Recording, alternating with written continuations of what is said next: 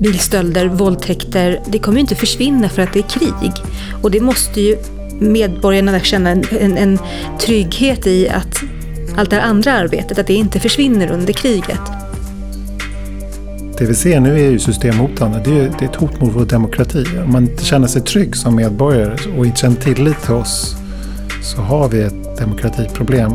Och det är därför man ser också grov organiserad brottslighet som en gråzonsproblematik. Hej och välkomna till det här avsnittet av Rapporterat där vi ska prata om demokrati, brott, straff och beredskap. Utan ett fungerande rättsväsende så har vi ingen fungerande demokrati. Och även om ett land skulle hamna i krig så kommer det fortfarande finnas ett behov av att utreda och lagföra brott. Men vad händer med rättsväsendet i ett land som befinner sig i väpnad konflikt? Vilka problem måste lösas och hur jobbar våra rättsvårdande myndigheter här i Sverige med beredskap?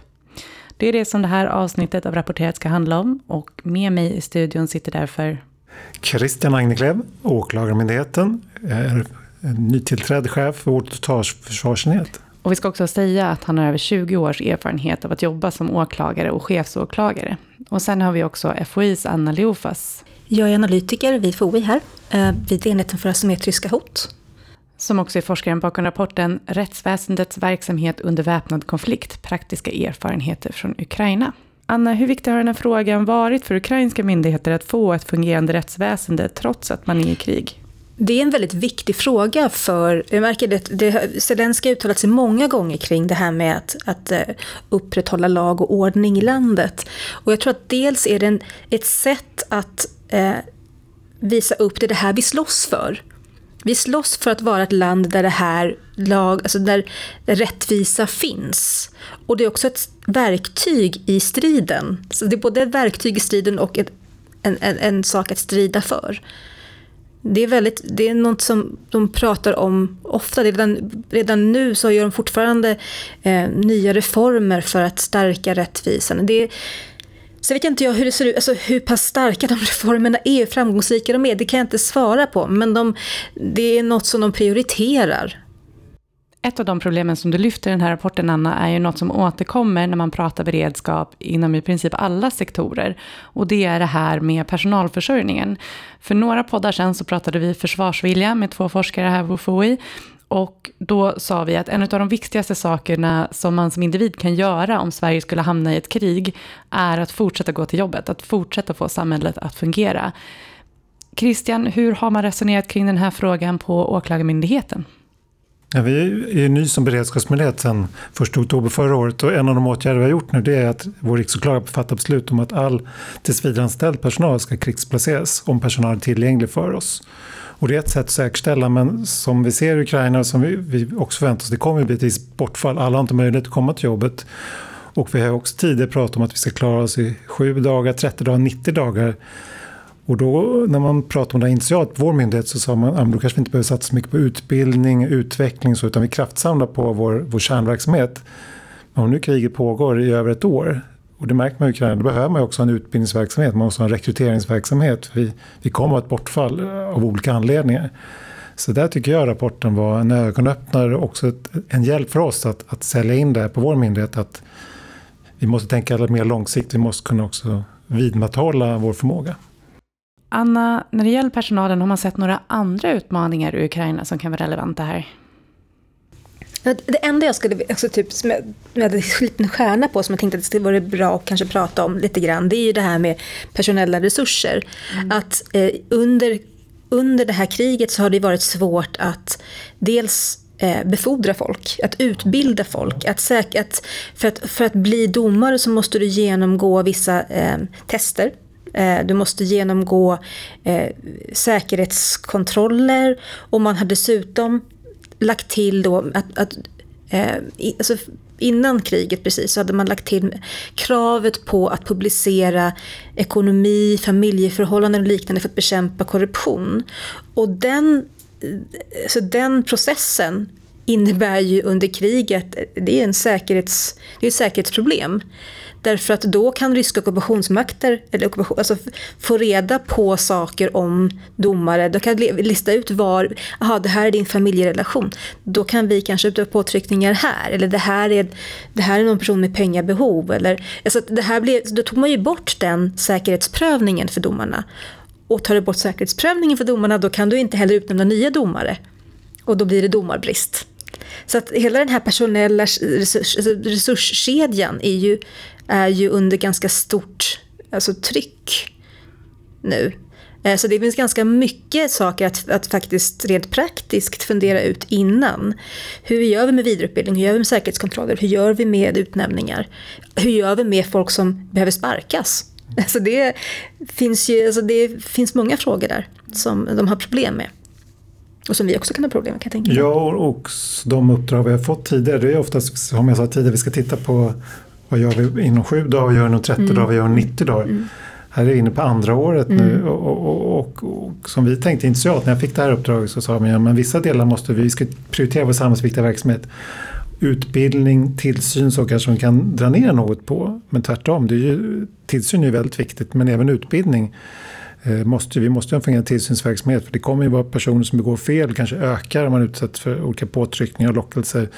Men också utbilda nya så att vi kan fylla på för det kommer ju tyvärr också bli ett bortfall av olika anledningar. Och det, det hade vi inte tagit höjd för tror jag initialt att det skulle pågå så länge som det gör nu i Ukraina. Det ser ut att vara väldigt långdraget.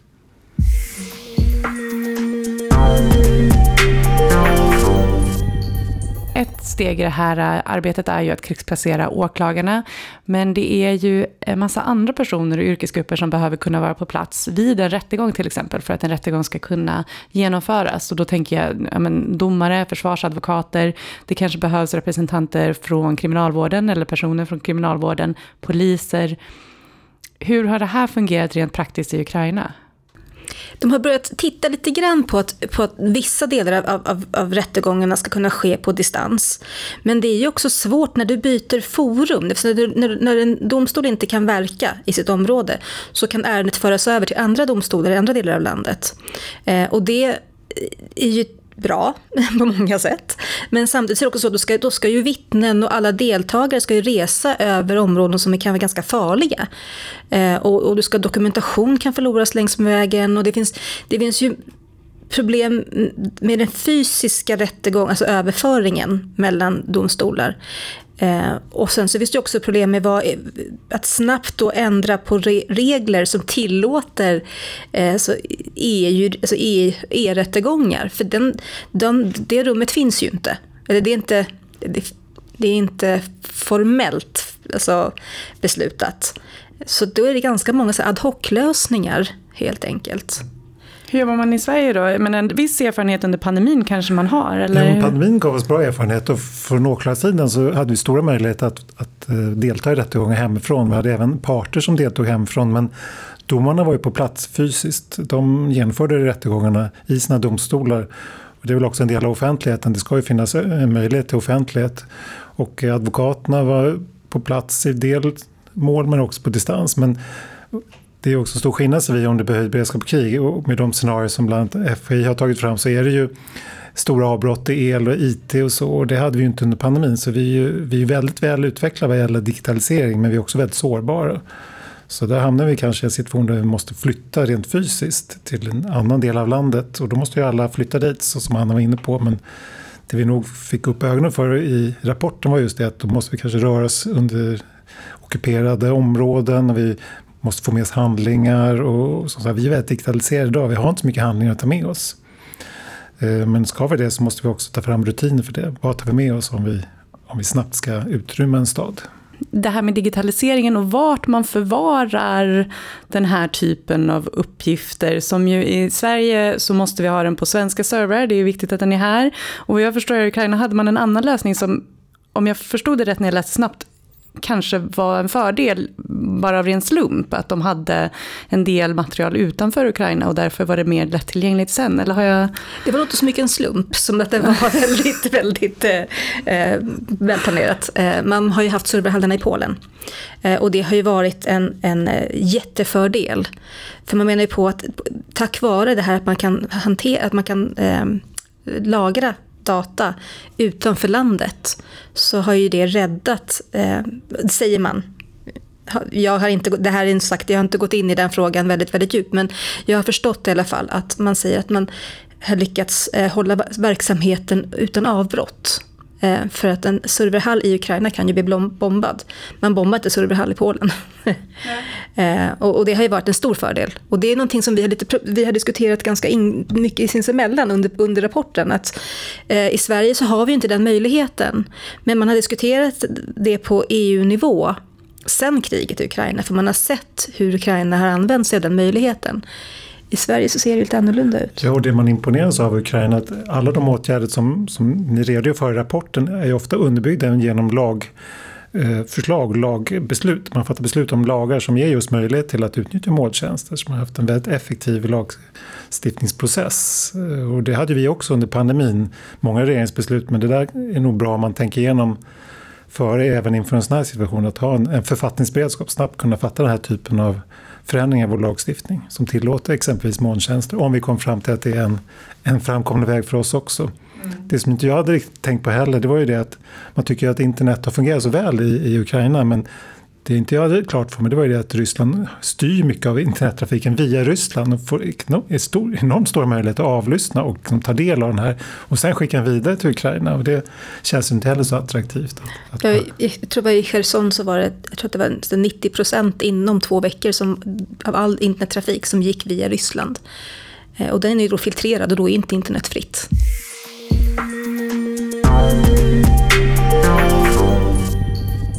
En faktor som många av oss tänker på när man tänker rättsväsendet i Ukraina är ju att det är väldigt mycket korruption och låg tillit till rättsvårdande myndigheter. Och det är ju något som skiljer sig lite hur det är i Sverige. Men hur viktigt har det varit att tänka på eller räkna med när ni har skrivit den här rapporten? Alltså jag, jag kan, absolut, det har ju varit en grundläggande förutsättning för att kunna titta på funktionen. Men det är också så att den nuvarande regeringen gick till val på just korruptionsfrågor. Det var ju en jätteviktig sak för dem och det har de fortsatt att arbeta med under kriget. Det finns ju så många olika aspekter av det här. Bland annat är det så att nu får Ukraina väldigt mycket pengar från väldigt många olika länder. Och det Eh, viljan att fortsätta stödja ekonomiskt är ju beroende av att känna att pengarna går i rätt fickor. Eh, Ukraina måste ju visa upp att vi arbetar mot korruption för att på så sätt kunna få tillgång till ytterligare alltså ekonomiskt finansiellt stöd. Så det är viktigt att uppvisa den också.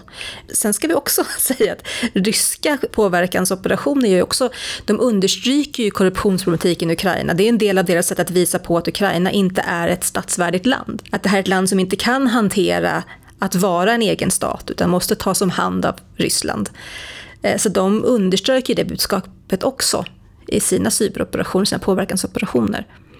Eh, så det finns ju två sanningar där. Det ena är att ja, det är ett problem. Det andra är att det är också något som understryks. Och att det används i propagandasyfte ja. på ett sätt. Är det någonting ni jobbar med beredskapsmässigt eller någonting ni tittar på?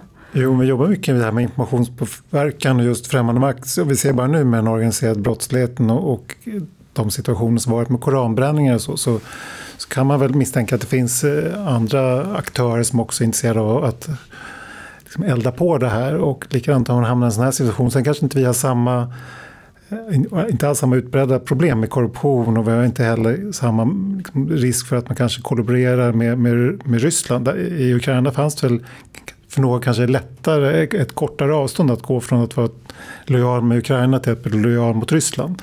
Vi har inte den problematik, men, men man kan inte bortse från att även under andra världskriget fanns det ju kollaboratörer i, i många europeiska länder som man kanske inte hade förutsett. Så att, och likadant så, så om man tittar tillbaka för en, ett antal decennier sedan så hade ju inte vi någon korruption i Sverige, trodde vi. Och det har vi ju. Så, så vi är ju inte unika så, så vi kommer ju också drabbas i någon utsträckning av korruption och kollaboratörer även i vårt land. det finns väl en risk för det. Vi måste i vart fall ha en beredskap för det. Sen är det ju bra om det inte blir så, men vi kan inte tro att vi är immuna mot det.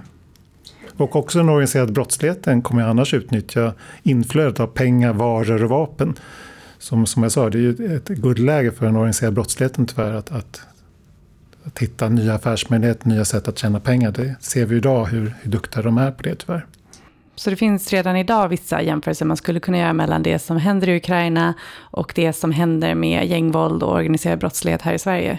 Jo, men, eh, Tom, jag lyssnade på Tomberg i morse, han pratade till våra myndighetschefer.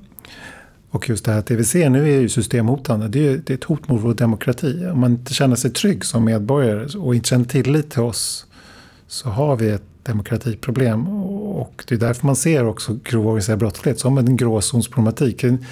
Nu vet vi inte vad som ligger bakom att vi har en sån ökning men som främmande makt skulle jag gärna tror jag, vilja liksom underblåsa en sån. Just för att skapa en minskad tillit och en osäkerhet. I, och då kan man också som ockupationsmakt kanske bidra till lagordning. Nu ser det inte ut så i Ukraina. Det är, det är inte det intryck man får av, av Ryssland som ockupationsmakt, att de upprätthåller lagordning. Det är tvärtom. Men, men man, om man hade varit eh, en, en, en, ockupant som följer folkrätten så, så, skulle man ju kunna bidra till det. Nej, men låt oss ta över, vi kan upprätthålla lagordning. Så hade jag tänkt om jag var ockupant. Som sagt, nu verkar inte Ryssland tänka så, men vi, ändå, vi, vi, vi utgår ifrån att folkrätten respekteras. Och då, ju, då, måste vi visa att vi kan upprätthålla lagordning bättre än vad en ockupationsmakt kan göra. Men delvis så gör de ju det i det här budskapet om korruption. Aha, eh, så, okay. så del, men delvis det här där man säger att men, Ukraina är ett jättekorrupt land eh, och, och, och, kan inte sköta sin lag och ordning själva. Eh, och, och, därför så, så, kommer vi att lösa det problemet. Så och, det, och narrativet hos oss skulle bli att ni kan inte hantera den grova organiserade brottsligheten, mm. låt oss hantera det. Mm. Vi, vi, har förmåga bättre än vad ni mm. har.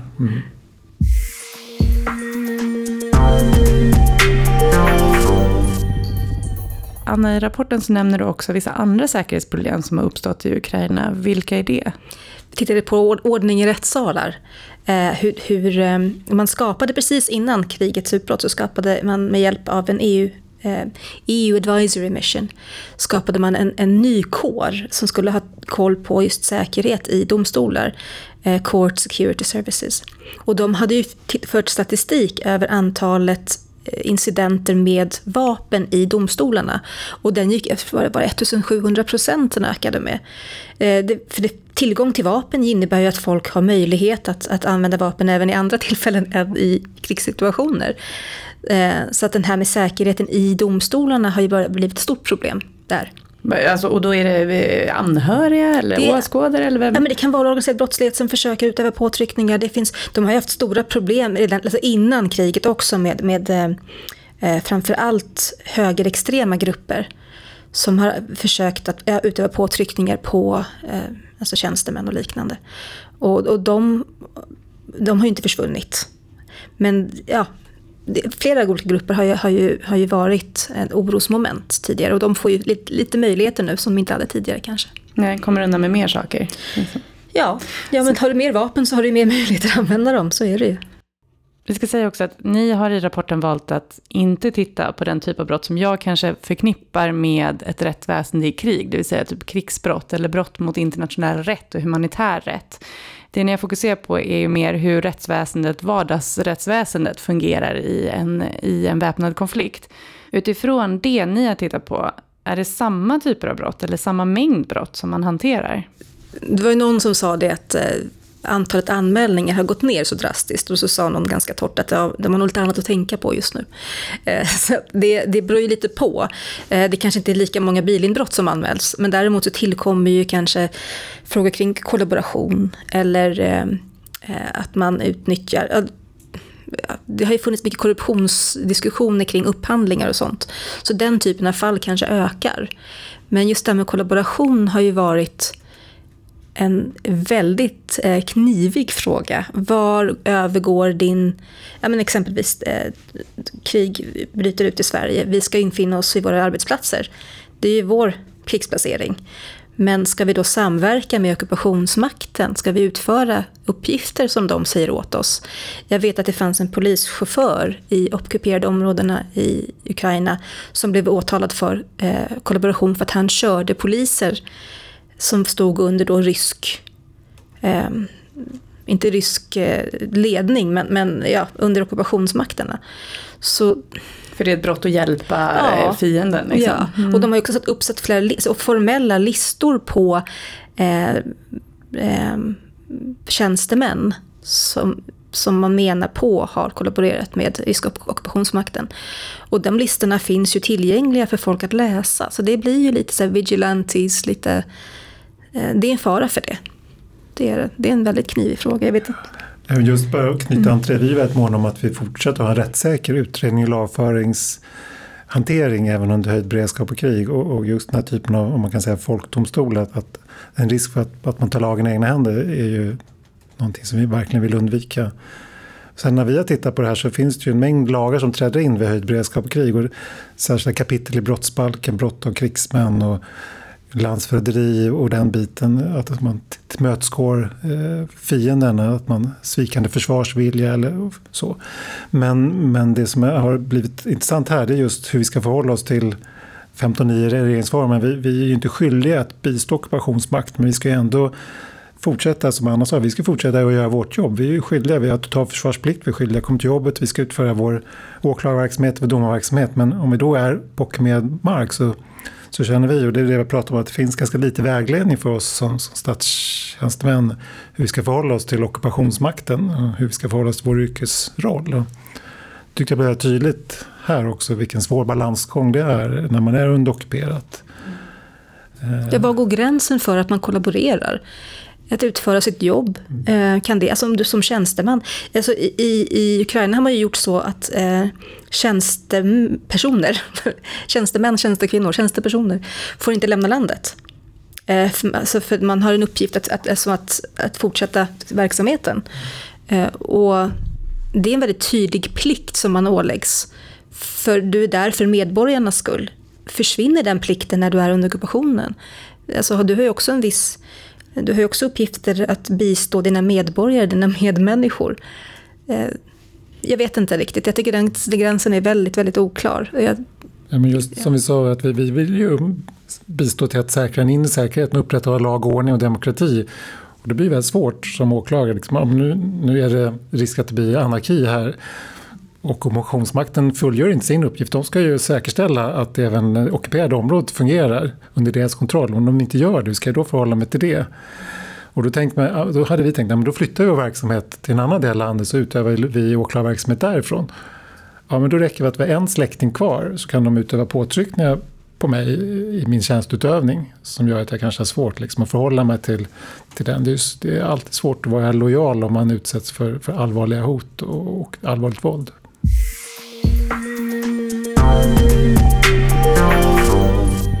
Men som det ser ut idag så har vi ett starkt och välfungerande rättsväsende. Vi har hög tillit och vi är bra på att organisera säkra rättegångar.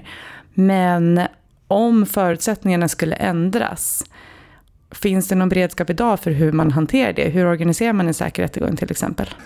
Ja, både Åklagarmyndigheten och Domstolsverket blev beredskapsmyndigheter den 1 oktober förra året och då, och då blev det tydligt att vi har ett krav på oss att också förbereda vår verksamhet för höjd beredskap och krig.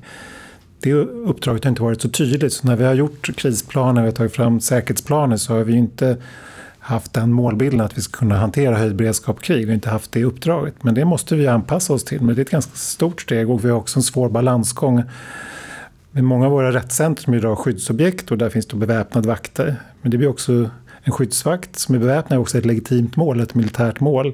Så det är en svår balansgång. Polisen kan ju också bli ett legitimt mål med deras kompetensstatus. Så vi har också tänkt så att om vi inte beväpnar oss så, så eskalerar vi inte våldsutvändningen och vi blir inte heller ett, ett, militärt mål. Men det där är en jättesvår balansgång. Men vi har en bra säkerhet i domstolen idag men den är som sagt var anpassad för den situation vi har idag och inte den stora vapenhanteringsutvecklingen som man såg i Ukraina. Det måste ju vara lite av en kostnadsfråga också, hur mycket den här beredskapen får kosta i tid och pengar, hur mycket den får kosta att underhålla över tid. Ja, men skulle vi krigsplacera exempelvis eh, från frivilliga försvarsorganisationer, skyddsvakter, så ska vi ändå ansvara för vapenhantering, vapenträning och utbildning. Och det är en ganska ny uppgift för oss. Vi har ingen vapenhantering idag. Så att, eh, ja, men det, och då ska vi kunna ha den förmågan just vid höjd beredskap krig och så ska vi vidmakthålla den nu. Så att det, där, det där är... Inte det, helt lätt. Det som jag också tittade på det var ju att alltså, frågan kring vem beslutar när det ska evakueras. Vem, och i vilken ordning ska det ske och, vilk, och var går gränsen och hur... Alltså det här med... Mycket av de här frågorna måste ju ligga på de enskilda domstolscheferna, alltså den som är ansvarig just den dagen för, för domstolen eller vad det nu kan vara för någonting. Åklagarmyndigheterna var inte lika tydligt, alltså det fanns det liksom inte lika tydliga riktlinjer för. Domstolarna var det lättare att hitta även om inte det var jättedetaljerade planer, så fanns det åtminstone någonting där. För åklagarmyndigheten fanns det inte alls i Ukraina en tydlig riktlinje för vem som var ansvarig för vad. Eh, och då blir det ju en eh, rättegångsfråga snarare. Under rättegången så har åklagarna riktlinjer att förhålla sig till. Men under resten av arbetstiden så fanns inte sådana ja. riktlinjer. Finns de i Sverige? Eller i någon... ja, fördelen här i Sverige är att Åklagarmyndigheten är en myndighet eh, och vi har behörighet över hela landet. Men varje domstol är en egen myndighet. Vi har väl 88 domstolar som är egna myndigheter med egna myndighetschefer. Så där är Domstolsverket en, en svårare roll som beredskapsmyndighet. Men det som är reglerat är ju enligt rättegångsbalken. Vi ska förhålla oss under förundersökningen i rättegången men hur vi ska hålla oss som förhålla oss lite som privatpersoner. Var, var ska jag befinna mig i landet och hur ska jag just förhålla mig till ockupation och så. Den är ju inte reglerad men vi har en, en fördel av att vi, vi lätt kan flytta personal. Men då hade vi inte tänkt på det att om någon blir kvar i personalens familj så, så kan det utövas påtryckningar. Då är det inte lika lätt att bara flytta personal. Vi kan också flytta ärenden digitalt väldigt lätt men det är likadant där finns det fortfarande möjlighet att utöva påtryck med de som är kvar. Även om man flyttar ärenden digitalt till en annan del av landet som inte är ockuperat så, så kan vi förhindra myndighetsutövning genom att plåga de som är kvar. Ja, och det som vi nämnde också lite redan, alla andra yrkesgrupper som krävs för att en ja. rättegång ska kunna genomföras. Det slog mig nu att nämndemän är ju ja. inte krigsplacerade Nej. till exempel. Um, och inte anställda på domstolen. Och inte anställda. Nej. Kan man genomföra en rättegång utan nämndemän? Det finns förfarandelagar som, som träder in vid höjd beredskap krig som, som underlättar att bedriva domstolsverksamhet under krig. Men nämndemän är ett väldigt viktigt inslag och man kan inte helt ta bort dem. Vad jag kan säga förfarandelagarna ger inget stöd för det. Men som du nämnde också, vi har advokater och advokaterna är ju enskilda företagare och vi, vi, har en god samverkan med Advokatsamfundet också i vårt arbete som beredskapsmyndighet. Men det är inte helt enkelt heller för Advokatsamfundet att säkerställa att alla enskilda advokater också har en förmåga att verka under höjd beredskap och krig. Det, det, så de, det är rimligt att tänka sig att de här beredskapslagarna, de kommer kanske behöva en liten översyn de också?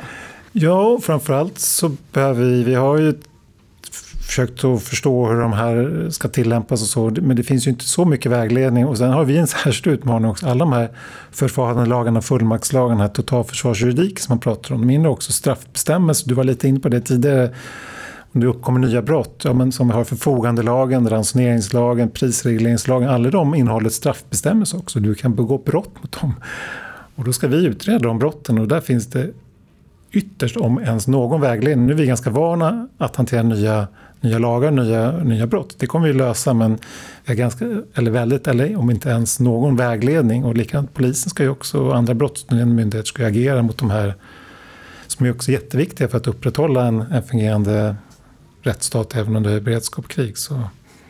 Men det här med försvarsadvokater tycker jag, det ingick ju inte i rapportens omfattning, men det, naturligtvis dyker ju det också upp.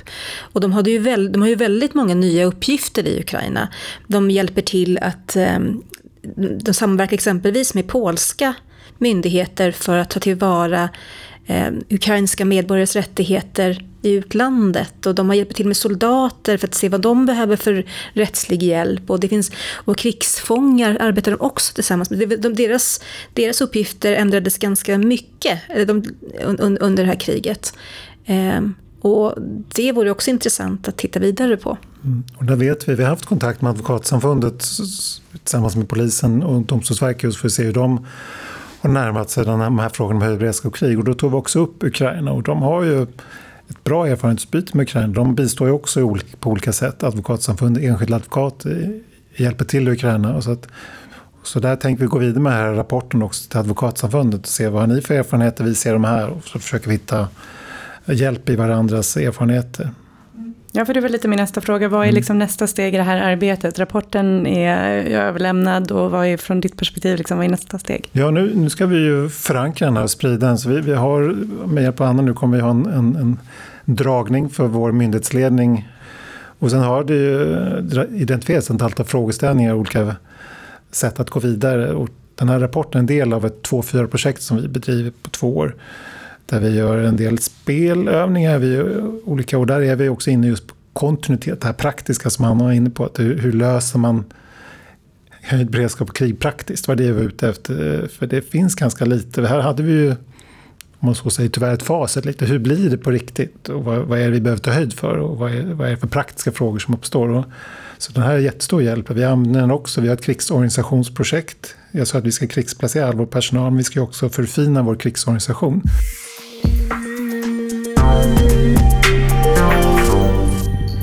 Vi brukar också avsluta den här podden med lästips. Så om man tycker att det här är en intressant fråga, vad kan man gå för att hitta mer information?